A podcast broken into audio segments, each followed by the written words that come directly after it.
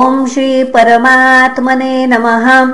श्रीमद्भागवते महापुराणे पारमहंस्यां संहितायाम् अष्टमस्कन्धे षष्ठोऽध्यायः।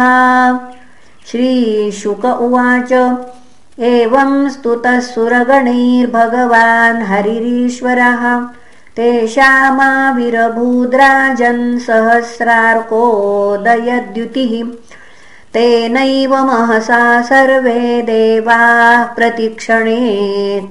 पुनः तेनैव महसा सर्वे देवाः प्रतिहते क्षणाः। नापश्यन् खं च कुतो विभुम् विरिञ्चो भगवान् दृष्ट्वा सह शर्वेण ताम् तनुम् स्वच्छाम् मरकतः श्यामाम् कञ्जगर्भारुणे क्षणाम्। तप्तहेमावदातेन लसत्कौशय्यवाससाम्। प्रसन्नचारु सर्वाङ्गीम् सुमुखीम् सुन्दरभ्रुवम्। महामणिकिरीटेन केयूराभ्याम् च भूषिताम्। कर्णाभरणनिर्भातकपोलश्रीमुखाम्बुजाम् काञ्चीकलापवलयाहारनो पुरशोभिताम् कौस्तुभाभरणाम् लक्ष्मीम् बिभ्रतीम् वनमालिनीम् सुदर्शनादिभिः स्वाश्रयीर्मूर्तिमद्भिरुपासिताम् स्तुष्टावदेव प्रवरः स शर्वः पुरुषम् परम् सर्वामरगणैः साकम् सर्वाङ्गैरवनिम् गतैः ब्रह्मोवाच अजातजन्मस्थितिसंयमाया गुणाय निर्वाणसुखार्णवाय। अणोरणिम्ने परिगण्यधाम्ने महानुभावाय नमो नमस्ते। रूपं तवैतत् पुरुषर्षभेद्यम् श्रेयोर्थिभिर्वैदिको तान्त्रिकेण योगेन धातः सह न स्त्रिलोकान् पश्याम्यमुष्मिन्नहु। पुनः पश्याम्यमुष्मिन् नुह विश्वमूर्तौ। त्वयग्र्य आसीत त्वयि मध्य आसीत त्वयन्त आसीदिदमात्मतन्त्रे त्वमादिरन्तो जगतोऽस्य मध्यम् घटस्वमृत्स्नेव परः परस्मात्। त्वम् माययात्माश्रयया स्वयेदम् निर्माय विश्वम् तदनुप्रविष्टः। पश्यन्ति युक्ता मनसा मनीषिणो गुणव्यवायेऽप्यगुणम् विपश्चितः। यथाग्निमेधस्य मृतम् च गोषु। भुव पुनः भुव्यन्नमम्बूद्यमने च वृत्तिम्। योगैर्मनुष्या अधियन्ति हि त्वाम्। गुणेषु बुद्ध्या कवयो वदन्ति तन्त्वाम् वयम् नाथ समुज्जिहानम् सरोजनाभाति चिरेप्सितार्थम् दुष्टा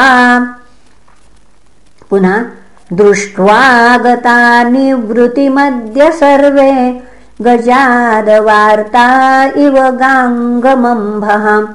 सत्वम् विधत्स्त्वाखिलोकपाला वयम् यदार्थास्तव पादमूलम् पुनः सत्वम् विधत्स्त्वाखिलोकपाला वयम् यदर्थास्तव पादमूलम् समागतास्ते बहिरन्तरात्मन्। किं वान्यविज्ञाप्यमशेषसाक्षिणः। अहम् गिरित्रश्च सुरादयो ये दक्षादयोऽग्नेरिव केतवस्ते। किं वा विदामेष पृथग्विधा पुनः किं वा विदामेष पृथग्विभाता विधस्त्वशन्नो द्विजदेवमन्त्रम् श्रीशुक उवाच एवं विरिञ्चादिभिरीडितस्तदविज्ञाय तेषां हृदयं तथैव जगादजीमूतगभीरया गिरा बद्धाञ्जलिन् संवृत सर्वकारकान् एक एवेश्वरस्तस्मिन् सुरकार्ये सुरेश्वरः। विहर्तु कामस्तानाः समुद्रोन्मथनादिभिः। श्रीभगवानुवाच हन्त ब्रह्मन्नहो शम्भो। हे देवा मम भाषितुम्। शृणुतावहिताः सर्वे। श्रेयो वस्यात् यथासुराः यातदानमदैत्यैस्तावत्सन्धिर्विधीयताम् कालेनानुगृहीतैस्तैर्यावद्वो भव आत्मनः। अरयोपपिः पुनः अरयोऽपि सन्धेया सति कार्यार्थगौरवे। अहिमूषकवद्देवा ह्यर्थस्य पदवीं गतैः। अमृतोत्पादने यत्न क्रियतामविलम्बितम्। यस्य पीतस्य वै जन्तुर्मृत्युग्रस्तो मरो भवेत्। क्षिप्त्वा क्षीरो दधौ सर्वा विरुतृणलतौषधीः मन्थानं मन्दरं कृत्वा नेत्रं कृत्वा तु वासुकीम्। सहायेन मया देव निर्मन्थ। ध्वर पुनः सहायने पुनः सहायेन मया देव निर्मन्थध्वमतन्विताः क्लेशभागो भविष्यन्ति दैत्यायूयं फलग्रहाः।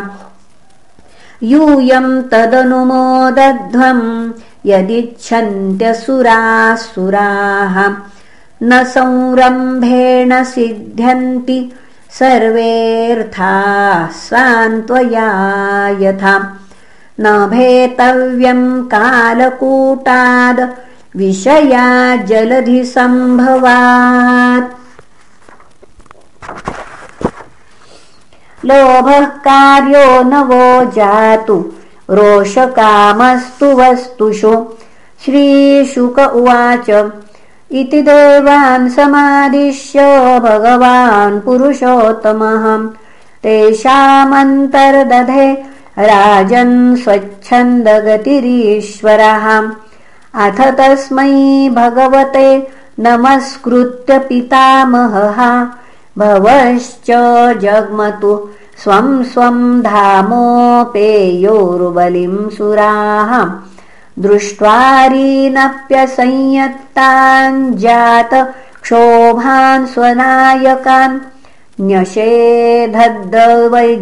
दैत्यराश्लोक्य सन्धिविग्रहकालवित् ते वैरोचनिमासीनं गुप्तं चासुरयूथपैः। श्रिया परमया जुष्टं जिताशेषमुपागमन् महेन्द्रश्लक्षणया वाचा सान्त्वयित्वा महामतिः।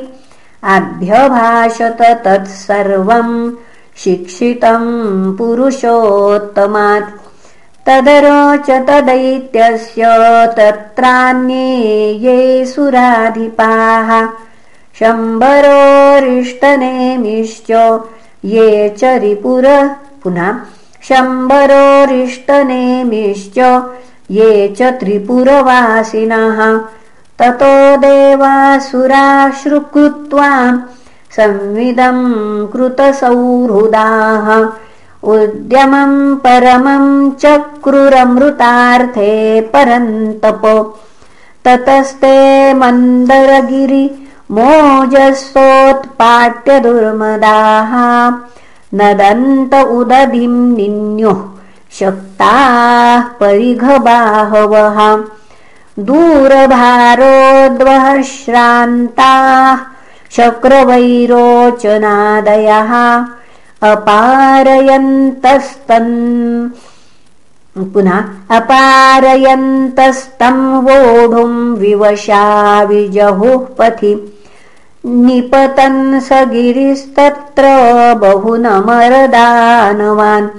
चूर्णयामास महता भारेण कनकाचलहाम् तांस्तथा भग्नमनसो भग्नबाहूरुकन्धरान् विज्ञाय भगवांस्तत्र बभूव गरुडध्वजः गिरिपातविनिष्पिष्टान् विलोक्यामरदानवान् ईक्षया जीवयामास निर्जरान्